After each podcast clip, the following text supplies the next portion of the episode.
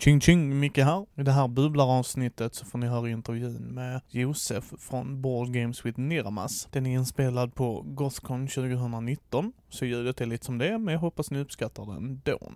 Sådär, omtagning. nu sitter jag med Josef från Board Games with Nimeras. Jag är jättedålig på det, jag ber om ursäkt.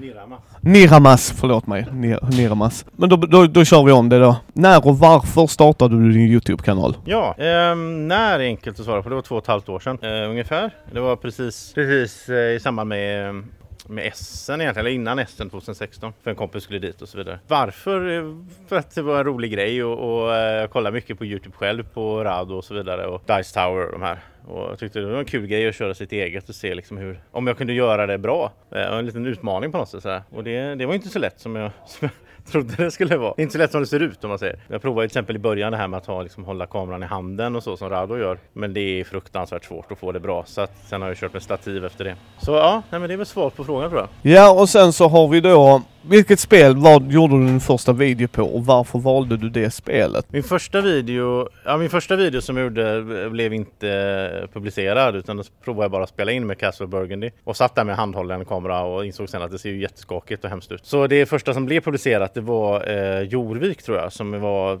eh, ett spel av Stefan Feld som är sån här eh, ganska elakt spel men jag tycker om det ändå. Men man, man ska köa med vikingar för att få köpa varor. Och det var ju att jag var precis släppt då från Essen som en kompis som var nere då och, och hade med sig det eh, till mig. Då. Det var ett av de här spelen han, han tog med till mig då som eh, Alltså Martin där till Linus som, som var med från början egentligen och hjälpte mig med mycket grejer i början. Så han är ju fortfarande med i kanalen ibland och målar lite figurer och sånt. Och du har ju din drake där, Draco. Varför, hur kom det sig att du valde just Draco som maskot och varför? Ja, eh, det är egentligen en, en lång historia men den korta varianten är att, att jag träffade, jag var nere på Gran Canaria 2012 tror jag det var och eh, min syster hade flyttat ner dit och då var jag nere med min dåvarande sambo och hälsade på henne och så gick vi på sådana här turiststråk så är det sådana här kasinon typ då lite sådär ja, shoppar liksom längs med de här turiststråken. Då la man in en euro där och sen så drog jag någon spak och så fick jag liksom fem i rad och då eh, eh var en liten sur gubbe där som satt, han har nog inte så roligt jobb för han satt liksom i sitt bås bara hela dagarna och väntade på att någon skulle vinna något. Och då pekade han liksom med en sån här glasmonter, ja men man får välja en grej då. Och då satt Rocco där i ett hörn alldeles ensam och, och vi sa det att nej men han måste vi ta med hem till Sverige liksom. Han kan inte sitta här i montern stackarn. Så så började det och sen att han blev min maskot för kanalen. Sen, ja, sen hade jag ju honom på någon hylla där i flera år. Och sen eh, när jag skulle starta så behövde jag någon att spela mot egentligen. I och med att jag spelar som två spelar variant av spel ofta då. Och det är lite tråkigt att ha så här gul spelare och blå spelare bara. Och det kan bli lite rörigt vem gör vad. Det är mycket roligare att ha karaktärer. Att man har Niramas jag då och, och Draco som spelar mot varandra. Så han återfinns ju liksom överallt som logga och som, ja, som maskot. Och han, jag har ju byggt upp en story runt honom också. Jag kommer att släppa ett spel i höst som handlar om honom. Som jag designat själv. Dracos Adventures. han ska ge sig ut på köttbullsjakt. Eh, han gillar köttbullar och Swedish meatballs. Eh, så att det finns en hel story runt honom. Saker han liksom upplevt och vad han gillar och inte gillar och varför han kom till Sverige och sådär. Det är nästan en barnbok som jag skulle kunna göra av det. Ja, och hur kom du då med namnet? Hur kom du fram med det? Ja, eh, Board Games with Niramas är Alltså Niramas är Samarin baklänges.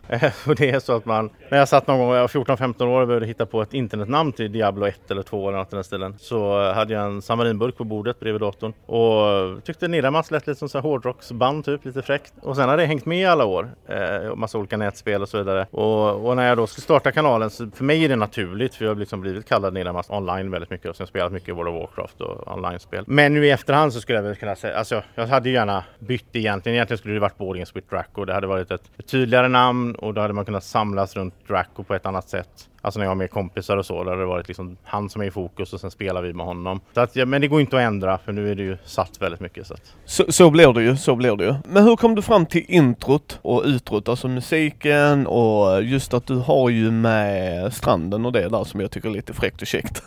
ja, eh, alltså delvis så gillar jag när man gör saker, när man inte gör för mycket liksom, digitalt och det blir för mycket redigering i det. Utan jag gillar när det blir ganska spontant och, och naturligt. Och, så stranden är ju liksom, det är ju sådär för hand. Man, det var jag och Martin som var nere och skrev liksom med pinnar i, i sanden då, och sen la i lite snäckor och grejer. Och jag bor i Uddevalla så att det är västkusten, det är nära, liksom, nära ner till stranden. Jag ville få med lite klippor och lite lite västkustkänsla i det. Och sen själva musiktrudelutten, är, det är ju lite tråkigt men det är ju bara så Youtube gratis musik då. Eh, så det är något som jag funderar på kanske byta ut. Men det är svårt också för folk vänjer sig, vi sätter sig liksom. Ja så är det ju. Du gör ju din kanal på engelska. Jag intervjuade Thomas in lite innan här idag och då var det ju, han gör ju det rakt av bara på svenska ju. Hur kom det sig att du valde engelska? Det är väl delvis delvis personlig grej att jag tycker det är roligt att få en chans att prata engelska och liksom utvecklas i det. Att, att lära, alltså förbättra min engelska, vilket man kan använda av i alla möjliga sammanhang. Och sen är det ju lite av en taktisk grej också att jag tänker att det finns ju mycket mer, mer möjlighet att växa som kanal. Alltså en mycket större publik än vad jag har haft på svenska. Och det är väldigt roligt. Idag är jag väldigt glad att jag, att jag valde det från början. För idag så får jag, jag kan få så här liksom kontakter och liksom mail från olika ställen i världen där man inte ens visste att de kollar på Youtube. Och det är väldigt kul det där med den här globala känslan av att vi är massa människor runt om i världen som har samma intresse och vi kommer i kontakt med varandra och folk tycker om mina videos. Det, det är fantastiskt. Ja, hur ser utrustningen ut nu jämfört med då så att säga? Alltså hur, hur började du? Vad var insteget där liksom? Liksom, hade du en kamera, köpte du en kamera, liksom hur? Ja, alltså de tekniska grejerna har ju blivit bättre och kommer att bli bättre i framtiden också antar jag. Bara häromdagen köpte jag en mikrofon som, som ännu lite bättre ljud sådär. Eh, sen har jag ju framförallt, eh, jag kör med Sony-kamera och jag började med mobiltelefonen eh, och jag hade en sån här GoPro-kopia också som jag snabbt la ner egentligen för det blir inget bra. Så, men jag körde länge med Samsung S5 tyckte det funkade ganska bra. Jag körde även den på S när jag var nere då för den är smidig att ha med sig och sådär. Och för det syftet funkar det jättebra för konvent och så vidare. Eh, nu här på Gotcon har jag med min vanliga kamera med stativ och grejer men då är det ju mer för att tänka filma lite i lugn och ro och sådär. Men eh, nej, så jag har ingen sån här flashig utrustning på något sätt utan det är ganska basic. Nu kör jag allt, sen ett halvår tillbaka ungefär kör jag allting via datorn. Stort sett allting. Eh, vilket är mycket roligt för då kan jag köra olika vinklar och grejer och jag kan lägga på liksom min logga på videosarna och jag kan lägga in texter och saker och i, i princip så blir det som att jag redigerar i förväg. Alltså istället för att göra en video och sen så fixa till allting efteråt så kan jag lägga till, jag kan göra väldigt mycket från början med olika vinklar och saker och eh, så kan man liksom bara ha en mus, liksom, ett musklick liksom så byter den mellan olika kameravinklar och sånt och så då spelas det in och sen efteråt när jag ska redigera då är det ganska enkelt för då har jag redan gjort allt det där. Så det, jag gillar det och, och jag har börjat streama en hel del också. Börjat köra Twitch eh, senaste bara några veckor sedan. Då, då är fokus på Twitch i digitala brädspel och kortspel. Så jag kommer att hålla isär det lite för jag vill inte, Gloomhaven kommer snart på Steam och jag vill liksom inte köra 100 timmar Gloomhaven på Youtube för då skulle det vara det enda som man ser på min kanal. Så, så därför vill jag hålla isär det lite och då, då är Twitch bra. Jag tycker det är roligt att streama för då får man den direktkontakten med tittarna. De kan skriva i chatten, ställa frågor och sådär. Och är det många som tittar då? Inte jättemånga. Det är, streamarna är väl, jag streamade ju häromdagen streamade jag på Youtube, Terraforming Mars eh, på Steam och då hade jag väl uppåt 20 tittare samtidigt ungefär. Och det, det tycker jag är ganska, jag, jag ser ju om man tittar man på de här Fortnite-streamarna som har så här 20 000 eller vad de nu har så får du ingen kontakt med chatten för det bara rullar ju förbi hur snabbt som helst. Du hinner ju inte läsa. Men det hade varit roligt förstås om det blir fler och ja, folk får gärna gå in och kolla in Twitch, att BGW Niramas. Då hittar man mig på, eller man kan söka på Niramas bara så hittar man mig på Twitch. Du får länka de grejerna till mig så ska jag sätta det i show notesen också så att folk hittar dig. Hur ser processen ut?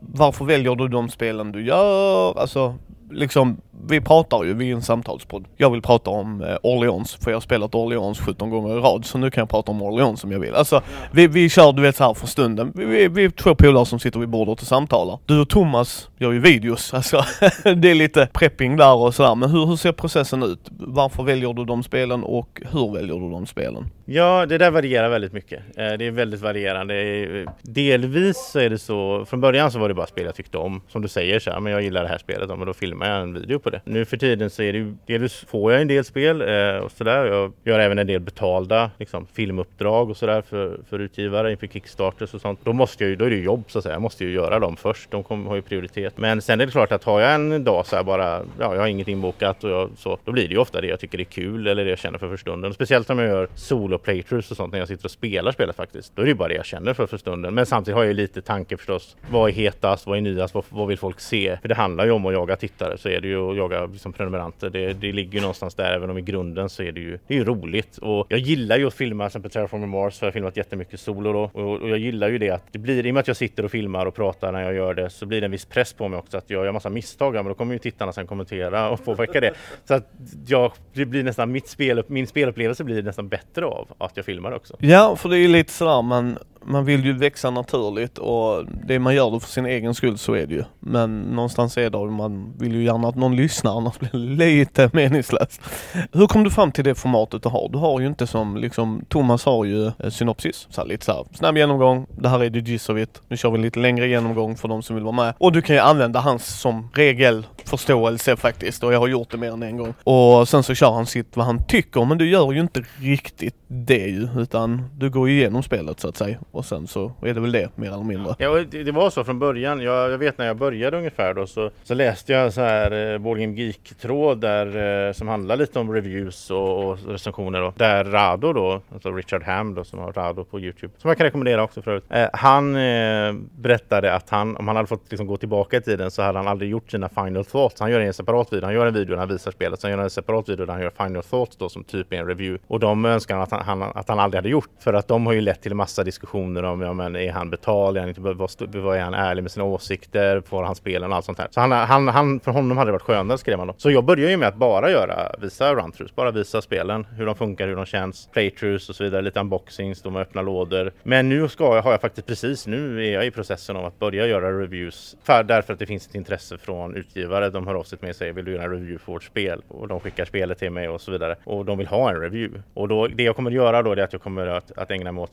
de kommer vara 3-4 minuter långa. Och det kommer att kallas quick reviews kommer jag kalla dem. Och de kommer att vara ungefär det Thomas gör, gör i slutet på sina videos när han pratar om fördelar och nackdelar med spelet. Jag kommer inte ge några betyg utan jag kommer säga så här, det här är pros and cons med spelet. Ehm, så. Och det tycker jag är schysst att göra. Jag, jag börjar, man, börjar man sätta siffror då blir det plötsligt, men hur bedömer man det? Ja, ja, ja. Det blir ju väldigt, väldigt subjektivt och sen när eh, jag pratade detta med Thomas också just med sponsringsgrejen. Uh, hur ser du på det? För att vi har ju lite samarbete med World Board Games och eh, men vi gör tydliga med det också när vi har, vi har fått lite samarbete av andra också eh, och vi är ju tydliga med det liksom att det här är sponsrat. Vi får hjälp av dem liksom och sen så länkar vi grejer i våra vänner har vi en flik där liksom där World Board Games bland annat är för att jag har använt deras tjänst i 12 år liksom. Men där är vi också övertydliga med att, och jag frågar ju dem innan för att för mig personligen, jag förstår inte grejen. Du bara, nu har Josef fått spelet. Ja, tänk om han säger att det är för att han har fått spelet. bara, då får du fråga Josef, vad har du för process? Så här kommer frågan. Hur ser processen ut? De säger, ja men tja Josef, vi vill att du gör spelet. Vad har du för dialog med utgivare och dylikt då? Det är lite olika. Framförallt, jag tycker så här, jag fick ett förslag häromdagen, en mail som dyker upp och då var det för någon som har gjort Exploding Kittens. De har gjort ett nytt spel där man typ ska dra kort i princip. Och om du får tre lika så tar du en plastburrito som ligger på bordet och kastar den på någon av de andra spelarna. Och det här är alltså ett spel som har dragit in 2,5 miljon dollar på Kickstarter.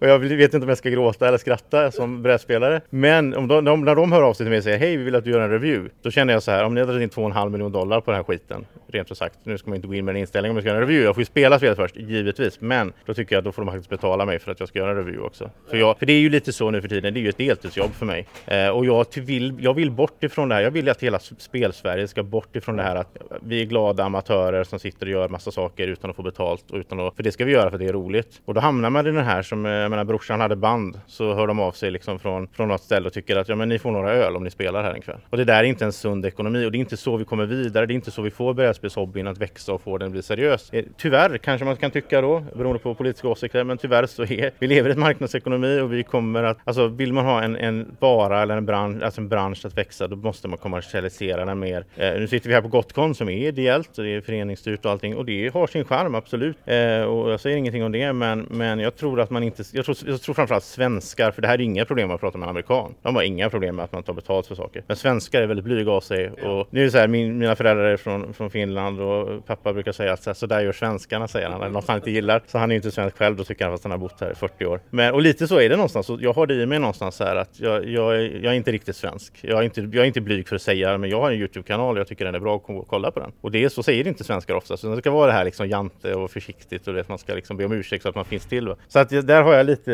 där har jag lite åsikter. Men, men just det här med processen då. Det normala är ju så här om du, om Tasty Minstrel Games hör av sig till mig, vilket de gjorde för ett tag sedan då, och så där, och så här, ja men vill du filma vårt spel här? Då säger jag så här, ja visst gör jag jättegärna om ni skickar mig ett spel och sen får ni gärna skicka mig ett spel till så jag kan lotta ut det till mina tittare och då är det den betalningen jag får kan man säga. Men om de hör av sig som sagt som det här då när det är något sånt här spel som jag normalt sett inte skulle filma, något knäppt galet partyspel eller vad det är, så blir det ju lite så att visst jag kan göra en review, jag kan spela med mina kompisar om jag får med dem på det och sen kan jag, kan jag liksom göra en review men då, då tycker jag de ska ersätta mig lite. Sen vad exakt vad det är, det får man göra upp från gång till gång eh, ja, tycker jag. Och jag, jag, tror också det ligger i tiden. Jag vet Rado då som han har ju precis börjat göra paid previews helt enkelt för Kickstarter och så. Och det är för att han säger det själv, han behöver få in pengar på det, det är hans jobb också. Liksom. Så att visst i all ära hobby och det är roligt och allt det här och man gör det för man Jag menar jag brinner för brädspel och älskar det. Det är detsamma jag är ute, kan vara ute på en fritidsgård och lära ut brädspel till barn. Jag gör jättegärna det men jag vill ju ha betalt för det för det, det betyder ju att jag inte är på och jobbar någonstans så att jag måste ju bli ersatt någonstans. Då är det ju, så är det ju och jag har ju liksom, jag, jag förstår det och jag, jag har inte de tankarna utan så länge man är tydlig med det, det, ja, det tycker jag. Men absolut, det tycker jag är det viktigaste. Gör som man vill själv och, och så vidare men var tydlig med det. Vi hade ju ett, det var ju ett exempel med Youtube där eh, en kanal som heter Undead Viking som var väldigt stor för ett antal år sedan och sen så sa han i något sammanhang tror jag då att nej men han tar aldrig betalt för, för reviews och sen kom det fram på något sätt. Så att, alltså, och då blir det ju massa dålig feedback för honom. Ja. Nu är han tillbaka igen tror jag, han har byggt upp sin kanal igen. Men, men det är, jag tror det är viktigast att vara ärlig bara. Men, det är inget att skämmas för utan man får ju säga som det är bara. Och sen kan jag tycka också att, att systemet som typ är på plats, som Dice Tower till exempel, de drar in ungefär några miljoner kronor varje år i sin Kickstarter som de kör eller Fundraiser då. Rado kör liksom Patreon, många kör ju Kickstarter. Eh, så jag kör Kickstarter nu i maj igen, jag gjorde den förra året för att finansiera SN-resa och så. För jag har ju inte den ekonomin privat att hålla på med det här utan jag är ju halvtidsstudent och halvtidsarbetande. Och den, den modellen tycker jag också är väldigt sund. Att så här, vill man se någonting hända, vill man ha det här materialet, ja men då kanske man backar lite på Kickstarter eh, eller en Patreon då, att man går in och, och backar eh, som tittare. För det är också en sån väldigt osund kultur som jag själv har växt upp med, med det här med, jag kommer ihåg när World of, War, World of Warcraft kom och då skulle det kosta så här, vad det var, 80 kronor i månaden. Då hade jag kompisar som sa, nej aldrig i livet, ska jag aldrig betala för att spela spel. Och det tycker jag är, är helt galet egentligen. Nu var man ju ganska liten vid den tiden, men, men ändå, jag menar, man, man får betala för all underhållning man ägnar sig åt. En 80 spänn i en öl liksom. Eh, så att någonstans så här, men, ja, jag tror, jag tror också väldigt svenskt och väldigt, eller om det är väldigt nordeuropeiskt kanske det här med att så här, ja men vi har valt oss, vi har haft internet väldigt tidigt, tidigt på 90-talet, vi har vant oss att allt är Pirate Bay, allting går att ladda ner gratis. Ja och sen så tror jag lite grejen där är också att eh, vad jag gillar med Tom Wessel, det är att han är övertydlig på att ni behöver inte betala kolla på våra Youtubes, titta liksom sådär. Men jag håller med dig, jag tycker inte att det ska vara tabu. Man gör som man själv vill. Vill man inte betala, betala inte för det. Men var inte förvånad bara, äh, konstigt, han har skakkamera i ens bara. Ja, vet du vad en sån grej kostar? Ja. ja. Jo men jag stötte på, jag fick faktiskt för ett tag sedan en kille som önskade en, han önskade en video, vilket jag ju tycker är roligt och så om folk önskar videos. Och jag svarade liksom sådär, ja, jättetrevligt att ja, vi får se det, vi får se om jag kan få in det liksom, jag har väldigt mycket att göra. Och och så är det också som så att jag har de som backar mig på Patreon och på Kickstarter, de får tillgång till en dold Facebookgrupp där de kan rösta på. Jag lägger ut så här, de här videorna funderar på att göra, vilka tycker ni, vilka vill ni helst se? Och då får de rösta på det. Och det är klart att de måste gå före, för de har ju så att säga gjort någonting, ansträngt sig för att jag ska göra de här videorna. Eh, och sen är det klart att har jag tid över så kan jag bara göra några requests för att det är roligt. Men det var ungefär det jag svarade honom och han blev skitsur och tyckte nej men jag avprenumererar för att du vill bara ha pengar ungefär. Så här. Och då, sånt, sånt skrattar jag bara åt, för jag menar det är ju bara löjligt. Vill du, fine, de videor som ligger ute, det är klart alla ska titta på dem. Jag gör inget exklusivt material för Patreon och sånt. Det tycker jag inte är kul. Men eh, vill man liksom vara engagerad och önska en video eller så, ja, då får man gärna, kan man lägga in 10 spänn i månaden på Patreon. Det tycker jag inte är för mycket begärt. Nej, alltså det är beggars can't be choosers. Man lägger fram förslaget och hade du tyckt det var, du jag har faktiskt funderat på det, så kanske du hade fortfarande gjort det och sagt att nej men idag får jag lite feeling att göra den här videon va. Men jag förstår vad du menar och så länge man är övertydlig, som du säger liksom, står det på Patreon-sidan, ja och är ni här inne så får ni vara med och rösta. Sen var det dessutom en, eh, inte en bra idé. tyckte jag, för då, det var, han tyckte jag skulle ranka mina tio Terraforming Mars-kort utifrån eh, art design på dem. Alltså vilka jag tyckte var tio var snyggaste. Och jag menar det är ju inte det jag håller på med. Jag är intresserad av spelmekanik och spelupplevelse liksom. Ja och jag menar det är ju där till exempel om vi tar eh, Rodney Smith. Jag har träffat honom när jag var på Gencon. Han är jättetrevlig, jättetrevlig. Men han är ju också tydlig liksom att det är med och sponsrar och så. Så är du där, han kör ju Indiegogo va. Men då får du mejl och sådär. Ja nu ska ni in och rösta på vilket vill ni se nu. Det var så när jag stötte honom honom på den tiden. Jag vet inte hur det är nu va, men han var ju återigen, men som du säger, det är nog en svensk grej för han var ju, han är övertydlig liksom. Och han visade till och med, om vi bara kommer hit, så gör jag bara hit. För jag har inte den ekonomin att kunna göra. Men han gör ju också, han har ju standarden därefter också får man ju säga. Så det håller jag med dig. Jag träffade honom på SN i höstas när jag var nere och pratade en del med honom om det just med hans. Jag tycker han sätter en bra ribba liksom på vart man vill nå i, i kvalitet och liksom. Sen är ju han skriptad. Eh, alltså han gör ju hur man spelar videos, alltså how to play, vilket jag inte gör. Så att det blir ju viss skillnad. Men, men ändå, han gör ju väldigt bra kvalitet och han, han är ju, lever ju heltid på, han får ju betalt för varje spel från utgivarna. Eh, han ju filmar ju ingenting som inte är betalt. Nej och han är ju tydlig med det också ju. Men han, han ger ju folk som stöttar han på Indiegogo. Vilka spel ska vi göra? Och så gör han ju det liksom och sådär. Ja men precis. Nej men han, jag har jättestor respekt för honom. Han, han, han är ju en supertrevlig människa också. Han är ju kanadensare så det är något ja, fel, ja, ja, ja. på honom. Alltid trevlig.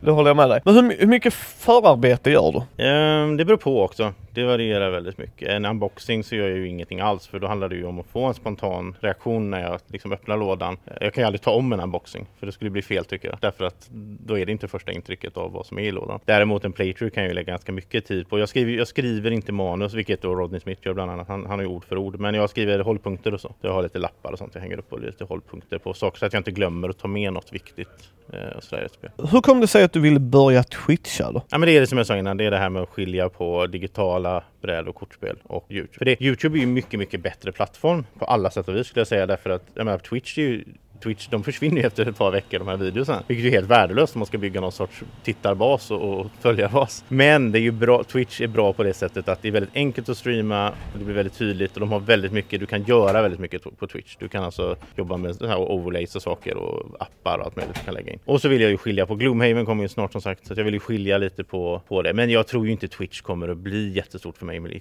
med tiden heller, utan det kommer att vara en liten sidogrej. Så. Vi pratade lite om detta innan också. Jag pratade detta med Thomas också. Var du beredd på tiden du skulle ta och redigera och klippa ihop och sådana grejer? För jag var ju beredd på att det skulle ta lite tid liksom. Ja, men alltså nu ska jag redigera. Men för att ge lite insight till våra lyssnare att om ni lyssnar på ett bubblaravsnitt cirka 20 minuter så har det tagit mig en timme att redigera. För att först måste du klippa, sen måste du höra, höra om det stycket så att det flyter på sådär. Men nu håller du till och med på med video och du sätter ju ljudet separat som jag förstår det när du använder mikrofonen ju. Då är det ju inte den på videon. Men var du beredd på den tiden det skulle ta? Både ja och nej. Alltså när jag började så redigerade jag väldigt lite och jag kunde väldigt lite om redigering. Jag har inte alls hållit på med det. och hade lite som jag har. Jag har skojat om det någon gång och lite sanning ligger i det att jag, jag satsar, satsar på kvantitet. Många videos ut liksom mycket material snarare än kvalitet och att liksom göra en video i månaden som blir jättebra. Och det, den filosofin håller jag mig vid. Alltså jag, jag vill göra bra videos och nu senaste tiden har jag jobbat ganska mycket på att förbättra kvalitet och så för jag tycker att det är det som är nästa steg för mig. Alltså det är så jag kommer vidare på något sätt. Men, men alltså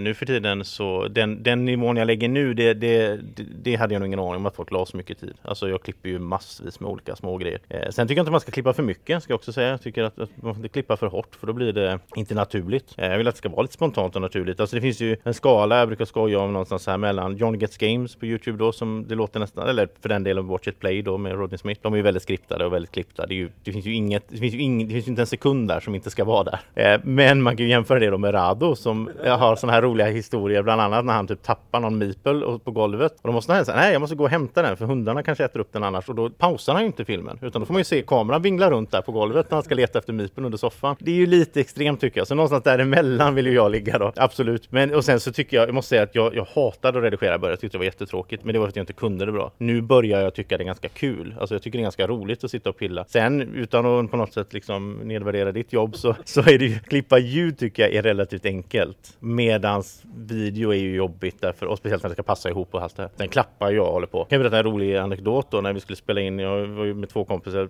Det var ju så 2016 när jag började så spelade jag in en topp 10 spel, mina topp 10 favoritspel. Då gjorde jag det ihop med två kompisar. Så vi gav våra topp 10, lite Dice Tower då, vi tog då efter dem givetvis. Och sen 2017 så hade jag med två igen och sen och så 2018 nu då innan jul här då så skulle vi göra och då var det, jo 2017 var det topp 50 och så var den sista 10 gjorde jag ihop med kompisarna. Och 2018 gjorde jag min första topp 100 för då har jag spelat typ så här 400 spel någonting tycker jag men då var det rimligt att göra topp 100. Och då eh, hade jag med två kompisar på topp topp 10 delen och eh, de har ju inte varit med på ett tag så jag har väl kanske ändrat lite rutiner sedan dess. Så det första som händer när vi sitter och tittar mot kameran och vi är beredda att börja då gör jag en så här klapp liksom för att då vet jag att det är där vi börjar.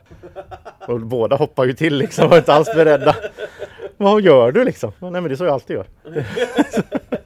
Har du känt att du har velat göra en video på ett spel, men inte gjort det av olika anledningar? Och varför är de anledningarna? Alltså, så varför har du inte gjort det i så fall? Ja, ja, bra fråga. Jag har två spel som jag ska filma. De är liksom, det är så, jag ska filma dem. Och de borde ha filmats när jag fick tag i spelet. Och de båda ligger i min topp 10 all time också, vilket också är absurt att jag inte har filmat dem. Det ena är ju då This War of Mine och det andra är Anachrony. Anachrony har jag filmat run på ska jag säga, eh, med Draco. Men jag har inte filmat solo playthrough som jag har tänkt jättelänge. Och det, det sjuka är att jag älskar ju båda spelen och jag borde sätta mig med dem någon gång och filma men då kommer det nästan en någon sån här prestationsångest. Då blir det så här, jag vill göra det så bra. Så jag känner så här, nej inte ikväll för jag är lite för trött. Så här, nej, nej men This War of mind, det är tungt där, det kommer så många timmar. Nej men det tar jag till helgen för då liksom, jag behöver verkligen gå in för det här. Och sen så går tiden och ja, de är fortfarande inte gjorda men de, de båda ligger liksom i min sån här, jag har en sån här lista liksom på mobilen, så alla, alla spel som ska filmas liksom i ordning. Och de ligger där och så blir de hela tiden överhoppade för det kommer in något nytt. Men någon gång, och This War of Mine skulle jag vilja göra en serie, det ju ju, spelas ju,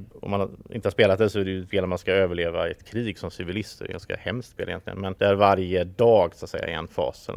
Det är en worker placement under en dag och en natt. Och då skulle jag egentligen vilja göra avsnitt där, så här, ett dygn på taget. Liksom. Du är ju med i eh, Brädspelspodden också ju, med Jonas där va? Hur, hur kom det samarbetet ihop? Han började göra den på ett sätt och nu är du där liksom med honom. Alltså, jag vet. Jag vet ärligt talat inte riktigt vilka som var med från början. Jag tror de var, jag tror det var han och Nick klass och en kille som heter Anders. Och de höll på, de har hållit på i några år. Och sen, jag har ingen aning om varför, men Niklas kör ju den här Colosseum-podden nu för tiden. Och jag tror Jonas, Jonas behövde väl en eh, co-host liksom. Jag tror Anders var barn och grejer och så här. Det är svårt att få tid och sådär. Så han hörde av sig till mig. Vi träffades på Calcon förra året för första gången. Och eh, när vi var den här SM i brädspelsdesign-juryn då som vi satt i båda två. Och eh, ja, men vi gillar ju varandra. Så att vi, han hörde av sig och frågade om jag ville köra lite podd. Och först tänkte jag väl att ja, men det var kul att vara lite gäst sådär. Men sen tyckte jag det var väldigt roligt. Så sen har vi kört på. Och det är ju ganska skönt för mig för han fixar ju redigeringen och det här då. Jag är ju co-host liksom. Så det är lite skönt att komma in så. Och sen tycker jag det är väldigt roligt. Det är kul för mig att köra lite på svenska också faktiskt. Ja precis. Nej men jag tycker det är trevligt att lyssna på er. Så att eh, jag är en av lyssnarna där också ju. Så jag ställde den här frågan. Den här är faktiskt väldigt intressant så här. Jag är ju väldigt kritisk när jag spelar spel just bara så här vad, vad, tycker jag? Varför är den här mekaniken här och sådär? Och det är bara sånt som jag är som person liksom. Jag, liksom så här, självkritik och sådär. Men vi säger Josef för tre år sedan, fyra år sedan. Nu sitter och spelar spel med kompisarna jämfört med Josef nu. Även om du inte ska göra en video på det utan de bara Josef kom här, vi har ett spel här. Till exempel på Gothcon. Du kommer in där i en brädspelsbar och där sitter polarna och de slänger upp en bräda. Sitter du och så här bara, äh, det här hade ju filmat så eller äh, är den regeln jättetydlig? För där är, alltså förstår du att man, man ser det på ett annat sätt. Man tänker liksom Eh, förstår du liksom, om du ska nu göra en recension liksom, som eh, Thomas gör ju ändå det liksom. Eh, men hur, hur ser det liksom, förstår du vad jag menar? Är du samma, ser du på spel på samma sätt för fyra år sedan som nu? Nej, nej det gör jag inte. Det, men det största egentligen steget för mig i hur jag ändrat tror jag med spel, det är ju faktiskt Calcom förra året när jag med SM i brädspelsdesign. När jag, jag skulle få nog erkänna att innan det så var jag inte jätteintresserad av eh, små liksom, designers och deras prototyper och så. Men jag tyckte det var jätteroligt när jag var där och verkligen, och nu när jag var med i juryn igen då i år för bara några månader sedan så, så var det ännu roligare när man liksom kom in i det. Och det, det, det, det jag kanske tänker det är väl mer ur ett designperspektiv då. Alltså sådär, men varför är det här med i spelet? För att det här behövs inte. Det här kunde man ju tagit bort. Det hade varit mycket roligare spel om man inte hade... Jag kan vara ganska kritisk så. Att man tycker att, nej, men, eller åt andra hållet kan man tycka, men varför har de inga player rates i det här spelet? Ska jag sitta här och så, så har jag ingenting jag kan titta på? Ja, det är på baksidan av regelboken. Okej, det är ju ganska bra, men ska vi skicka runt den mellan oss då? Så, nej, men lite sådana grejer. Och sen är det klart att i vissa fall kan jag ju tänka lite med, med filmande och så ofta. Det är just det, det kan jag faktiskt säga då som svar på en tidigare fråga varför jag filmar vissa spel i viss ordning och sånt. Eh, där är det faktiskt så att jag, jag försöker ju liksom, om vi spelar, för ett tag sedan spelade vi Azul, Stingglass och Sintra hos en kompis. Och då är det ju ganska smidigt för mig att jag frågar när vi är klara, men kan jag låna hem det och så filma det? För då har jag ju det färskt i minnet hur man spelar spelet och behöver inte sitta och läsa så mycket regelbok. Så på så sätt så blev det filmat just då därför att jag hade spelat och han hade köpt det. Så så kan det ju vara ibland om jag tycker det är roligt. Så, så, eller så, och så kan det även vara. För ett tag sedan spelade vi Pursuit of Happiness och det har vi spelat kanske inte, fem, sex gånger. Men det var så jädra roligt så då kände jag så här, nej men det här vill jag ju filma solo playthrough på för det här har jag liksom inte gjort en solofilm på. Så, då, så jag lånar ju ganska mycket spel av vänner också. Jag äger ju inte alla de här spelen som ni ser på min kanal. Utan... Vad är dina visioner för kanalen? Hur ser framtiden ut? Det är lite delat. Å ena sidan så inser jag realistiskt sett att jag har på pluggat och gjort i massa år så här, vid sidan av att jobba. Så jag inser att om ett år ungefär när jag är klar då kommer jag eventuellt få ett heltidsjobb. Vilket innebär att jag kommer inte kunna filma i det tempot jag gör nu. Så då kommer kanske det bli en film i veckan istället för tre filmer i veckan. Ja, så kan det ju bli. Eh, men om jag bara skulle få drömma så är väl visionen att kunna göra det här på halvtid ungefär. Jag skulle gärna ha ett kontor. Jag har pluggat statsvetenskap. Jag skulle gärna ha ett halv, halvtidsjobb på kontor och hålla på med byråkrati och sån här politik och sådana saker. Och sen skulle jag gärna ha liksom en halvtid när jag har sköter min egen tid och jag filmar och så vidare. Men jag skulle inte vilja göra det här på heltid även om jag fick möjligheten. För det är ju, du jobbar ju själv så att säga. Du är ju själv hela tiden. Jag, jag är trött på det. Jag, jag, har jobbat sedan 2009 tror jag. Så har jag haft eget företag och gjort så projektuppdrag och saker och reser runt i halva Sverige eh, med massa olika event och grejer. Och jag saknar ju, jag, jag vill ha kollegor och jag vill äta lunch samma tid varje dag med folk och jag vill ha betald semester liksom. Det hade varit lyx för mig. Eh, om vi då går på de mer privata frågorna då liksom så här, vi kör på den enklaste. Eh, vem är Josef? Ja, jag är väl ganska, jag är väl en ganska komplex person skulle jag säga själv. Jag eh, brukar liksom, jag, eh, nu, alltså jag är ganska engagerad när det gäller politik och samhällsfrågor och sånt där, tycker det är intressant. Och, och även nu håller jag på att läsa sociologi och sådär och man funderar mycket på så här, samverkan mellan människor i samhället och klassfrågor och sådana här saker. Och, så jag är väl ganska reflekterande filosofisk person. Jag har väl alltid varit det, funderat mycket över så där, livet och döden och, och varför vi finns här och, och vad som gör en glad och vad som inte gör en glad och relationer och ja, allt möjligt. Så att jag är väl ganska jag, jag uppfattas tror jag i mitt filmande och i, om man träffar mig någonstans så uppfattas jag nog som ganska glad och liksom lättsam person. Men, men jag kan ha ganska, ganska så här deppiga perioder eller liksom sådär när man funderar mycket och grubblar på, på tillvaron. Eh, och så, så är det. Men, nej, men sen så skulle jag väl säga att jag är eh, jag har blivit mer med åren. Det, här, det är också en grej med det här Youtube. Jag, det är väldigt skönt för mig få det här kreativa utloppet. Eh, för jag jobbade i många år med ungefär samma sak och gjorde ungefär samma sak och det blev väldigt det är helt meningslöst på något sätt. Man betalar räkningarna och sen så går liksom åren och så ja. Så det, det, är väldigt nyttigt för mig tror jag som för, för mitt välmående är att jag får något utlopp för kreativitet och liksom tänka ut saker och göra saker och, och ha kontakt med människor. Jag är väldigt social. Det måste man ju vara för att hålla på med sådana saker. Eh, jag fick nu när jag startade Twitch så fick jag någon kommentar och någon, någon gammal tittare från Youtube som, som jag eh, messade med på Messenger som tyckte liksom att oj, att, här, att det var lite modigt på något sätt att här, köra livestreams på Twitch. Liksom. Han tyckte att oj, att, så tack för att du gör det ungefär. Och jag kände ju sådär, ja, nej men jag, det var inga problem för mig liksom. Gör jag bort mig så gör jag bort mig. Det, jag skiter ganska mycket i vad folk tycker eh, allmänt och det är något som har kommit med åren. Alltså när jag var 20 så var man ju mer så att man höll på att brydde sig om liksom, hur ska man vara, hur ska man passa in och är man utanför, är man innanför. Nu för tiden så kör jag min grej och det känns som livet är för kort för, jag det är en jävla klyscha men livet är för kort för att levas för att hålla på och liksom bry sig om vad alla andra tycker och det man gör. Liksom. Ja, jag är ju, min fru är väldigt introvert. Eh, och jag brukar säga, jag är tvärtom vad min fru är. Att gå in på en fest så brukar jag gå in och prata med folk på en fest och sen ska jag sitta bredvid med folk och prata allmänt och så bara ha trevligt. Jag är som du säger, jag hade inte kunnat sitta still på ett kontor i en törn och inte prata med människor. Även om jag kör mycket i trafiken, jag är lastbilschaufför, så pratar man med kollegor med handsfree. Liksom sådär och har kontakt liksom och sådär. Eh, så det håller jag med dig om. Ja, men det, det, är ju det här med att, ja, men det, och, det, och det är ju ofta så här alltså, det spelar, jag tror inte det spelar så stor roll, för mig, det spelar inte så stor stor roll vad jag gör egentligen, utan det viktiga är att man har ett trevligt socialt umgänge. Man, det är det som gör att man trivs liksom, med ett arbete eller med en, med en miljö man är i. Och, och, och det är ju det som gör att det är så roligt att åka på sådana som Gotcon, för då träffar jag dig och jag träffar Thomas och sådana människor som är utåtriktade och som gillar att prata med och då, då möts vi och så blir det en jädra massa kött och så. ja men precis. Vilket är ditt tidigaste spelminne? Precis som jag sa till Thomas innan idag, eh, vad som helst. Men alltså där du kände att nej, men spel är min grej. Det kan vara dator och så också. Ja, då, då, då, ja, säger du så så är det ju faktiskt eh, digitalt. För det är nog Super Mario Bros tror jag är mitt första spelminne. Spelade som kompis liksom 1986 typ när det kom. Jag var fem år. Ja. Eh, men sen brädspel är, skulle jag säga faktiskt att det är Tjuv och Polis som är det tidigaste minnet jag kan komma på. Så vi spelade typ sönder. Vi spelade jättemycket någon period. Spelade hur mycket som helst det där eh, med kompisar. Eh, det kommer jag ihåg. Det var väldigt roligt då. Sen spelade jag väldigt mycket brädspel när jag var liten. Eh, jag vet faktiskt inte riktigt varför. Men jag antar att eh, ja, del, delvis kan det väl ha att göra med kanske sådär, jag är ju yngst då så jag är äldre syskon så jag antar att de fick brädspel och sånt till jul och sådana grejer också så var man med liksom på. Men även sen har jag spelat väldigt mycket Nintendo, Playstation och PC och så vidare. Eh, nu senare år så spelar jag nästan ingenting på datorn, alltså förutom dig digitala brädspel. Ja, jag spelar mycket, det är där jag spelar solospel. Jag spelar inte solo som du gör på brädspel, det har aldrig lockat mig utan det är då jag sätter mig vid datorn. Det är då mycket, jag har mycket datortid liksom, eh, kör lite VR eller Assassin's Creed, Far Cry. Alltså då går jag in på mina RP-spel liksom och sådär.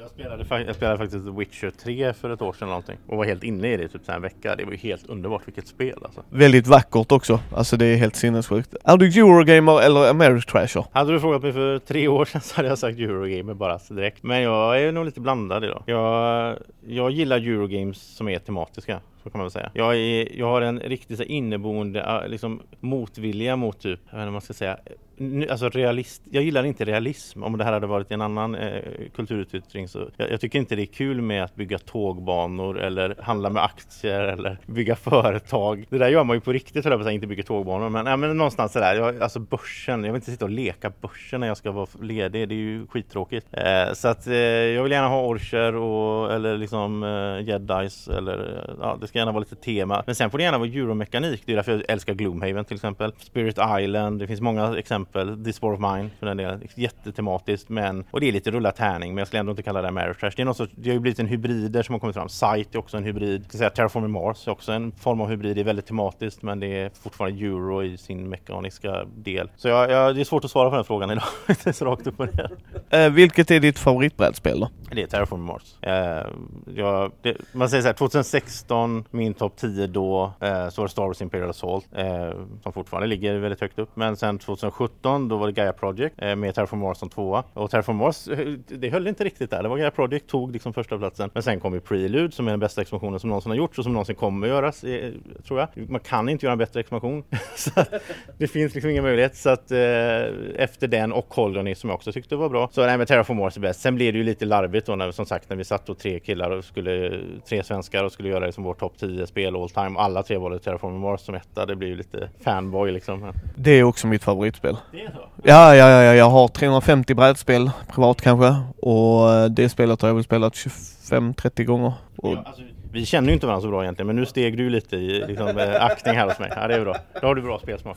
Eh, ja nej men alltså jag är Eurogamer. Eh, precis som jag sa i Thomas i intervjun där att jag är Eurogamer to heart. Medans att eh, jag kan spela Ameritrash utan problem också. Men då ska temat vara så genomgående. Alltså då, då ska jag inte känna att tematiken faller någonstans. Liksom, alltså förstår du vad jag menar? Utan ja men då vi spelar det här för temat. Jag är ju en sucker för Batman-grejer.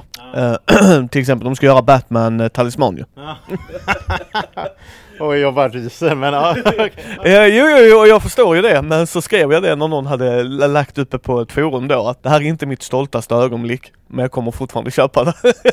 Hade de gjort Game of Thrones talisman då hade jag köpt det.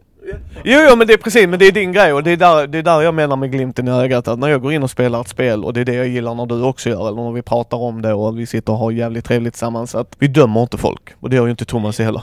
Nej absolut inte. Och jag skulle säga att jag spelade förra sommaren så tänkte jag på Warcon i Varberg och då blev jag erbjuden att spela Alien vs Predator heter den. Och då tänkte jag så här Ja det är bara massa tärningar liksom och det är bara med random men jag tänkte, ja men jag provar då. Och mina fina jättefina aliens och det var jättetematiskt och allt, så här, men de dog ju för jag rullade dåligt typ fyra gånger i rad. Så att så sätt är jag ju mer Eurogamer än Ameritrashare. Jag hade ju mycket hellre haft att man drog några kort och så kunde jag använda de korten på något sätt och så vidare. Alltså typ Gloomhaven style. Så att eh, nej men absolut, det, jag håller med dig där att det, visst kan man ju spela, men jag kan spela Talisman ikväll. Det är ju, jag, jag har ju haft Talisman med alla expansioner som jag sålde. Men, men eh, så att visst det kan vara roligt. Talisman tycker jag får lite oförtjänt, man klumpar ihop det för att det är roll to move. Så klumpar man ihop det med så här monopol och såna här grejer. Men Talisman har du ju faktiskt två håll du kan gå. Så att det är ju inte riktigt lika. Och jag brukar säga eh, Talisman är rollspel på crack cocaine. Alltså att du har en spelledare som är totalt slumpmässig. Bara, nu går jag till höger. Yes, nu går du in här. Nu möter du en drake. Så bara, va? va? Vad hände? Och, och det är det som gör för mig att tematiken där väljer jag att det är ett 80-tals rollspel. Alltså, det är det som sticker fram där. Du spelar ju inte rollspel, för det har vi pratat om så jag kan hoppa de frågorna.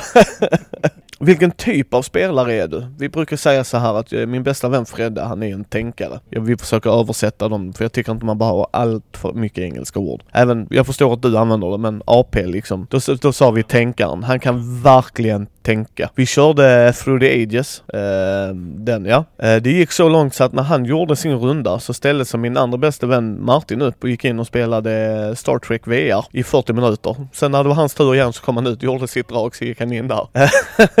nu känner vi ju Fred och älskar honom för den han är ju, men jag menar liksom det är det jag menar. Jag är ju, jag vill vara där han är, att du vet kunna tänka ut de bästa dragen, men jag är alldeles för impulsiv för att jag inte har tålamodet att sitta i 40 minuter.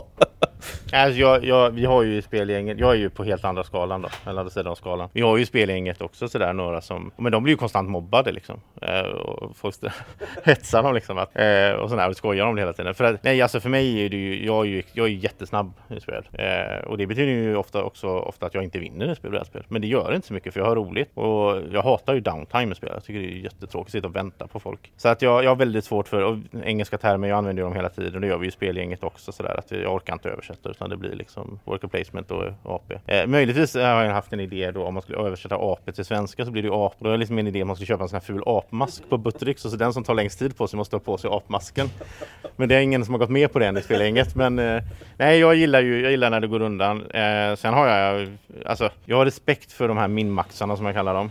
Eh, därför att de vinner ju ofta spelen också. De är ju bra. Liksom. Det, så att de, och, och, jag kan tycka så här, om man tar lång tid på alltså det beror på lite vad det är. Vi spelar Terraform i Mars hemma hos en kompis, vi sitter och dricker kaffe och det är liksom, vi sitter och snackar lite och så här. Ja, men ta, ta tid liksom, det är lugnt tycker jag. Eh, och, men jag gillar ju, alltså jag, jag har ju nolltolerans, det vet de som har spelat med mig, jag kan vara ganska hård, men jag har nolltolerans för att så här, jag ska inte behöva vänta på dig för att du kollar ett sms eller för att du spelar på mobilen eller för att du så. Så om du sitter om du tar lång tid på dig för att du tänker i spelet och du vill göra ett bra drag, det kan jag liksom respektera. Men om du tar lång tid på dig för att du ska göra massa annat som inte har med spelet att göra, då är det liksom, då får du själv direkt. ja, jag är där att då ska man bara vara tydlig, jag väntar ett sms eller jag fick en grej, absolut.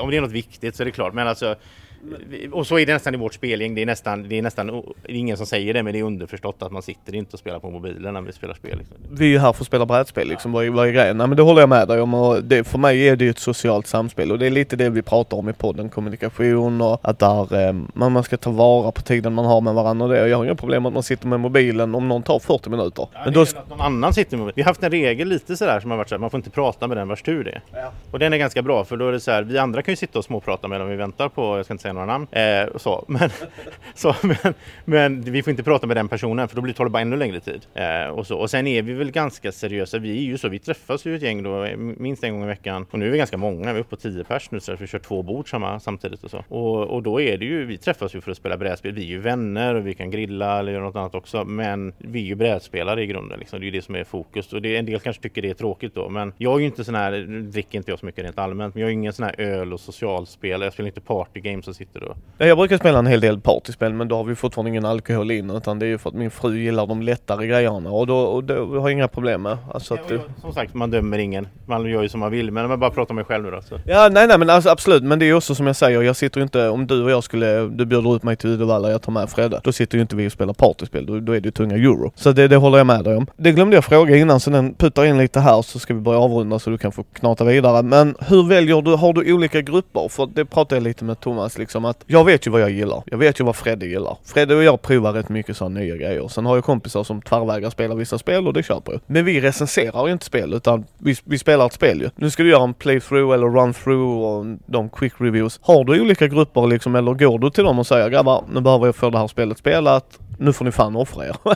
alltså, det, det, det spelet jag nämnde innan, jag har två, två spelgrupper. Det, där funkar det inte för alla köper nya spel hela tiden och Kickstarter håller på. Och det är jättekonkurrens varenda kväll om vad ska vi spela och, så har vi några som vill spela så här heavy och några som spelar till lättsammare. Ofta blir det ju två bord då, så det kan man ju, då hoppar jag, jag hoppar in på det lättsammare då i de lägena. För, för jag, jag, orkar inte köra liksom Great Western Trail på fyra pers eh, när jag har jobbat hela dagen. Eh, för det är heavy för mig eh, i tankeverksamheten även om det är ganska tematiskt och bra spel i övrigt. Men nej men så att det, så är det ju inte riktigt. Jag har ju lite då, jag kör ju på Alara Games i Trollhättan. Man ska göra lite reklam eller ja, man får nämna dem. Så uh, har vi varje tisdagkväll så har vi brädspelskväll med Nira och Draco. Draco är aldrig med för han blir blivit så bekväm och hänger i studion bara. Men, men uh, då, då kör vi ju liksom brädspelskväll som jag arrangerar så att säga. Och då blir det ju mycket lättsamt och det, blir, det kommer in nya folk och då vill man, ja men vi kan köra en match Carcassonne så de får liksom känna på ett, ett, spel. Men kommer jag in en tisdag då och det inte är några nya eller sådär, det är liksom det klassiska gänget som börjar bli ganska vana vid det här laget nu då. Eh, då drar jag ofta upp något sånt här, men det här har jag liksom fått från Essen, det här behöver jag, det här vill jag filma snart så jag vill gärna spela det. Och då brukar ju folk tycka, ja vad roligt, men då kör vi det. Med andra spelgänget så är det, det är stenhård konkurrens om att få, det är sällan, det är sällan vi spelar mina spel nu för tiden. Nu är det liksom, vet, det är någon som har köpt det senaste, hetaste så här och så. Ja. Vad tycker du är bäst med vår underbara hobby? Ja men det är det sociala, det är den här sociala grejen. Eh, att man kan, och det måste jag säga faktiskt då de här tisdagskvällarna, det tycker jag är fascinerande att man kan sitta då folk som är olika åldrar, olika bakgrunder. Det är liksom folk som har olika, jag menar, jag har ju träffat folk som har kanske sociala handikapp och så som liksom tycker annars att det är väldigt jobbigt att umgås med människor. Men när vi sitter och spelar spel ihop så går det bra på något sätt för att då, ja, men då, då, då handlar det inte om dem. De behöver inte liksom vara med i ett socialt sammanhang. De ska sitta och prata om sig själva på det eller så. Till motsats från dig och mig då som tycker om att prata om oss själva. Så, och då, och då eh, är det många, jag har många gånger hört det att folk säger så här, nej men vad, vad välkomnade de kände sig liksom. De kände att de var välkomna. Och då är det inte bara jag utan det är de andra spelgruppen. som har full credit att de verkligen välkomnar folk och, och liksom, alla är välkomna. Alla kommer in och spela. Man är man ny, ja men då får man lite extra hjälp. Och, ja, men har man gjort något misstag, då kan man få göra om det och så här. Att vi är väldigt schyssta liksom i min andra spelgrupp då i Vänersborg, då är det mer så här att vi har ett misstag per kväll. så har du gjort ditt misstag, då, ja, då är de här minmaxarna liksom bara, nej, då får du inte. Nu, nu är det så. Ja men jag gjorde ju fel här. Ja, jo, jo, men nu köpte du inte den byggnaden i Kaverna, då får du skylla dig själv. man var stenhård mot dem. Jo men det är också där man, där har man ju ett socialt kontrakt. Alltså, eh, jag spelar ju väldigt mycket rollspel också. eh, brädspel, där har man också sociala kontakter. Det pratar vi i ett av de för, första avsnitten vi släppte ju. Att för det första är det några andra saker, var rädd om dem. Eh, jag har träffat spelare som kör klonkort och eh, jag tycker att spel ska användas. Men kom igen. Eh, sen vet jag folk som skitar ner och återigen liksom, och du gör med dina egna grejer, det bryr jag mig inte om. Eh, men det jag gillar med vår hobby som du säger, om jag kommer på en fest, du skulle bjuda hem mig till dig, så skulle man ju snabbt bara, ja, någon nämner ett brädspel så hade vi kunnat sitta och prata om det. Ja men jag tyckte inte om det, den biten var kul, alltså du vet såhär, och, och det, när vi pratade lite så här, jag var ju på Genkon och det var så när man gick in i en hotellbar och jag har hört att det så i Essen också, jag vill dit där. Att helt plötsligt så står man i en kö någonstans och de bara, ja vad gillar du för spel då? Alltså för att man, vi står ju här. Du, du är ju på Genkon av en anledning, du bara, vad gör du här? Så bara, nej jag hatar spel i all dess form liksom. Det finns ju inte, alltså då bara, ja jag har gått fel, jag bara, ja du står i kö nu liksom, vad gör du här? Utan då, då stod de ju och pratade med en och då får jag, vad gillar du för spel? Och sen frågar de mig var jag var ifrån, så bara Sverige, då blir de helt paff liksom, vad gör du här? Och det är det jag gillar, att man blir välkomna, som du säger, när du får ett mail från någon ifrån Thailand eller Vietnam och jag älskar det med hobbyn och vi, oftast, där är rövhattar där ute, men oftast så är många välkomnande. Ja men det är så, det är en väldigt välkomnande hobby det och, och som du säger där också, men du ska ju absolut åka på Essen. Jag har ju bara varit där då en gång i höstas här, men, men det där jag stod i en bankomatkö och vi började liksom snacka Terraform Mars liksom. Och det är ju så. Man, man, det, är ju, alla är ju, det var ju en väldigt konstig känsla när man var där, att så här, alla är här av samma anledning. Och när man dessutom då träffar svenskar så var man ju jättepolare plötsligt för att liksom, eh, vi är någon annanstans. Och även sådär, jag menar vi var ju liksom, där vi hyrde rum och så, ju liksom en bar där nere, så att vi folk och spelade så här på kvällen liksom. Det är en häftig känsla liksom, folk spelar brädspel överallt. Så nej men det är absolut, det är ju det, här, men det är ju det, det är ju de här, det är människorna man spelar med. Sen kan man spela olika spel och man kan tycka olika mycket om olika spel. Jag har ju vissa så här som jag, nej jag spelar inte dem för att jag lägger det är inte värt tiden på något sätt. Eh, och man har vissa som man kan spela nästan när som helst, liksom i alla lägen så. så, att, så är, men, men det är ju inte det viktigaste, det viktigaste är att man träffas och har trevligt egentligen. Ja men så är det ju och som sagt, vi har olika spelgrupper där vi gör olika grejer liksom som Fred och jag spelar väldigt mycket tvåspelarspel. Han är ju som sagt en av mina bästaste, bästaste vänner. Love you man. Eh, och där spelar, men vi spelar tvåspelarspel. Alltså, men det är ju för att lära oss. Sen så introducerar vi spel till andra liksom och sådär ju. Och vi har ju det drivet, den hungern och det. Han har ju sagt det att det är jag som har fått in han mer på banan ju. Uh, men, men det är ju en gemensamskap som du säger, man står och pratar i en bankomatkö. Eller när man är här på Gothcon för övrigt liksom, när man ser där i brädspelsbarer, ja vi behöver en spelare till, så kommer någon, whoop, sätter man här då, nu kör vi. uh, har du, vi brukar avsluta liksom med att man ska få lite tips, råd och sådär. Om där är någon lyssnare här som känner att jag vill också tillföra någonting till communityt sådär, göra en YouTube-video eller Twitch thingamabob. Vad tycker du man ska tänka på då? Ja, om, alltså, om man har ambitionsnivån att man, man vill göra något för att det är roligt och sådär. Det är ju det man ska ha tycker jag från början. Jag har fått mail av folk som frågar liksom så här, hur mycket kan man tjäna och sådana saker. Och då svarar jag, jag har ingen aning för jag tjänar nästan ingenting. Så eh, man kan inte tänka i de banorna, det funkar inte liksom. Det är, det är ju så extrem konkurrens liksom på Youtube. Utan du får ju tänka utifrån att du gör något som är roligt. Sen om det ger någon positivt i någon form så är det en bonus. Och fortsätter du hålla på med det här år efter år så är det klart att då kommer du ju få ut någonting av det rent krasst också. Men, nej, men det man ska tänka på är väl att man ska, alltså när det gäller, jag, jag kan ju prata Youtube framförallt för det är det jag liksom har, har erfarenhet av. Och det, jag skulle säga att så här, tänk, titta på video, gör du en video så titta på den innan du lägger ut den och tänk så här, skulle jag vilja se den här videon själv? Skulle jag titt, fortsätta titta på den och vara väldigt självkritisk? För att eh, jag tittar på mina gamla videos och så tänker jag, vad håller jag på? Alltså det, det ser ju bedrövligt ut. Man får ju, jag menar bara, bara sådana enkla grejer då, några tips är ju sådär att du, alltså ljud, ljud går före bild skulle jag säga. Det är mycket viktigare att folk hör vad du säger än att, alltså du kan, sen bilden kan vara lite si och så men, men, eh, men vad gäller bilden skulle jag säga, alltså ljud är ju så här, skaffa en vettig mick, du kan få en vettig mick för tusen spänn. Det är det jag använder liksom. Eh, man behöver inte ha sådana lyxgrejer som du har här. eh, och sen eh, ska jag säga vad gäller bild så indirekt ljus Jätteviktigt. Alltså du kan inte ha en lampa som riktas mot spelet. Eh, speciellt om du spelar med sleeves, eh, vilket du inte ska göra heller. Ta av sleevesen när du ska filma. För det är glare det värsta jag vet, liksom. man inte ser korten ordentligt. Um, ja, vad ska jag säga mer? Man ska vara tydlig när man pratar. Det är många jag hör som mumlar eller... Det ska inte vara några som helst problem att höra vad du säger och prata gärna lite. Jag, jag pratar ju inte normalt när jag pratar med dig, så pratar inte jag till vardags. det hade ju varit jättekonstigt. Men utan jag är ju tydlig och försöker artikulera ordentligt och, och så vidare. Eh, det är väldigt viktigt. Och försök undvika, som jag gjorde precis, försök undvika sådana här äm, för det, det är bara tråkigt. Det är svårt att undvika, men det går. Av någon anledning är det mycket enklare för mig på engelska. Eh, pratar jag svenska så håller jag på mycket mer och stakar, men jag håller på och velar. Det kan vara vanliga saker för sig, för jag filmar på engelska. Men... Ja, nej, vi har lite samma problem där ibland och därför låter jag de som kommer i början på en uh, och nu kör vi liksom. Det klipper jag inte bort, men det är det konstpaus, um, konstpaus, bort med den, tjoff.